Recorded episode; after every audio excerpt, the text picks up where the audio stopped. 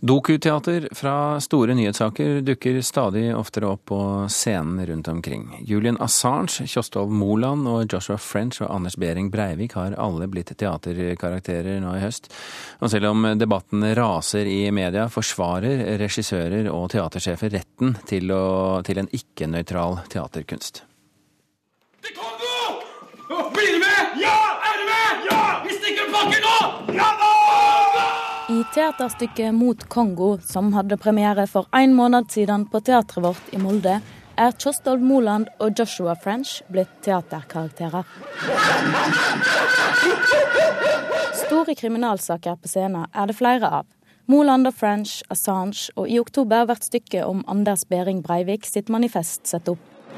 So the next time somebody tells you that it's pointless to defend those rights that we hold dear, Wikileaks-leder Julian Assange sin tale fra vinduene på Ecuadors ambassade i London, hvor han sitter i asyl for å unngå utlevering til Sverige og fengsling for de to voldtektene han er mistenkt for.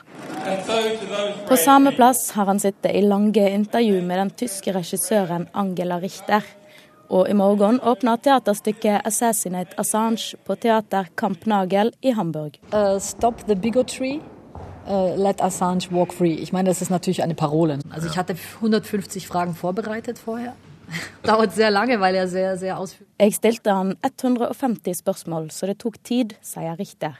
Ähm, Dafür muss man jetzt nicht unbedingt Hun sier alle bør spørre seg sjølve hva som har skjedd i Assange-saka, fordi hun mener det er noe som ikke stemmer, alle Seite zu sagen, okay, etwas stimmt nicht. og derfor har hun tatt saka til scenen. Kunst ist meistens ein bisschen langweilig, wenn es neutral Nøytral ist. kunst blir keisamt, sier Richter. Det har jo ikke vært et ønske for oss å provosere på den måten. For teatret vårt sjef, Thomas Bjørnager, var det viktig å vise ei gråsone han mener ikke kommer fram i pressedekninga av de drapsdømte i Kongo, sjøl om det har skapt reaksjoner. Gir oss mulighet for å utfolde en sag og grave oss ned i den og oppdage noen gråzoner. Så det vi gjør på teateret, det er jo ikke å prøve på å gjøre journalisternes jobb bedre, eller prøve på å ta patent på en eller annen sannhet, eller tro at vi kan vite noe om disse mennesker som ingen andre vet. Men det vi kan gjøre på teateret, det er at vi kan bruke øh, halvannen time på å utstille gjennom bilder og ord noen mer allmenne mekanismer, som måske, kan hjelpe med, at publikum øh, merker noe inden i sig selv. How deep is, is the rabbit hole, ja, man damit anfängt? Natürlich die Provokation zu wagen, zu sagen, okay, ich stelle mich mal auf diese Seite. Ja. Jeg veg provokasjonen og stiller meg av og til på den ene sida, men selvsagt med skepsis. Det blir et verktøy til ettertanke, sier Richter. Zu wenn man sich immer neutral hinstellt, dann ist es ein bisschen langweilig, glaube ich. Det er keisamt å være nøytral. Um, kunne du drept noen for én million? En nordmann? Kongoleser? Ingen kommentar. Ja, Det var fra sykehjem Kjostolf eh, Moland og Joshua French. Angela Richter, som du hørte her, var intervjuet av Daniel Alling i Sveriges Radio. Reporter eh, her i Kulturnytt var Marie Pile Svåsand. Teaterkritiker for NRK, eh, Karen Frøsland Nystøl. Hvorfor får vi nå så mye dokuteater fra samtiden? Um, jeg tror det er en um, At de vil skape en forståingsnøkkel. At uh, alt dette teatret handler jo egentlig om store allmenne spørsmål, men vi ser det gjennom, gjennom disse store nyhetssakene.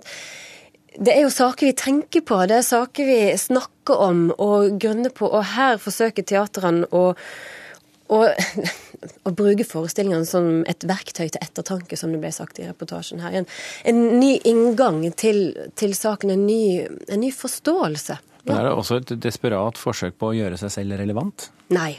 Det, det mener jeg absolutt ikke. Jeg, jeg mener at disse stykkene her viser at, at teater faktisk er relevant. For hvis du ser historisk på, på teaterets historie, så er det jo nettopp det som skjer i samtida, som har blitt spilt ut på markedsplasser nedover i Europa, hvor det skulle være i århundrene opp igjennom. Teater er et verktøy for å forstå seg sjøl, for å forstå sin egen tid, og for å forstå problematikk som en beveger seg i her og nå. Så dette, dette er egentlig helt naturlig. Men hva er det teateret kan tilføre som nyhetsformidlingen ikke klarer? En, en, fordypning og en annen inngang. Når man leser nyheter, så går det, det går fort, og man holder kanskje på med andre ting mens man sjekker nett eller hører på radio og, og sånne ting. Teatret er en mulighet til å sette seg ned og ikke ha noe annet fore enn nettopp å gå inn i den problematikken som de ønsker å spille ut for det. Og det, teatret handler jo òg om gjenkjennelse. Og mange av disse stykkene her vil jeg tro spilles for å være en inngangsport til forståelse. og for å oppnå forståelse så må man gjennom gjenkjennelsen og kanskje videre derfra til katarsis. Altså teateret blir plutselig viktig her, syns jeg. Men når det gjelder både Assange-affæren og historien om Moland og French, så er jo deres videre skjebner ikke avklart ennå. Er det et problem eh, for teaterforestillingen? Jeg syns det er vanskelig. Nå har jeg kun sett uh, Til Kongo, som spilles på teatret vårt i Molde. Og um, da jeg satt som publikum og der, så kjente jeg at dette er ikke helt greit. Uh, det handla mye om måten spesielt Kjostolv Moland ble framstilt på i forestillinga. For det, ble så veldig Kjostolv Moland med dialektbruk og, og um, fysikk, av måten han bevegde seg på og sånt. Alt han sa, alt de gjorde, var jo henta fra Altså sitert fra rettssak og sånne ting. Men han ble mye tydeligere enn f.eks. Joshua French, som, som snakker østlandsdialekt, som blir en mer nøytral figur sånn sett.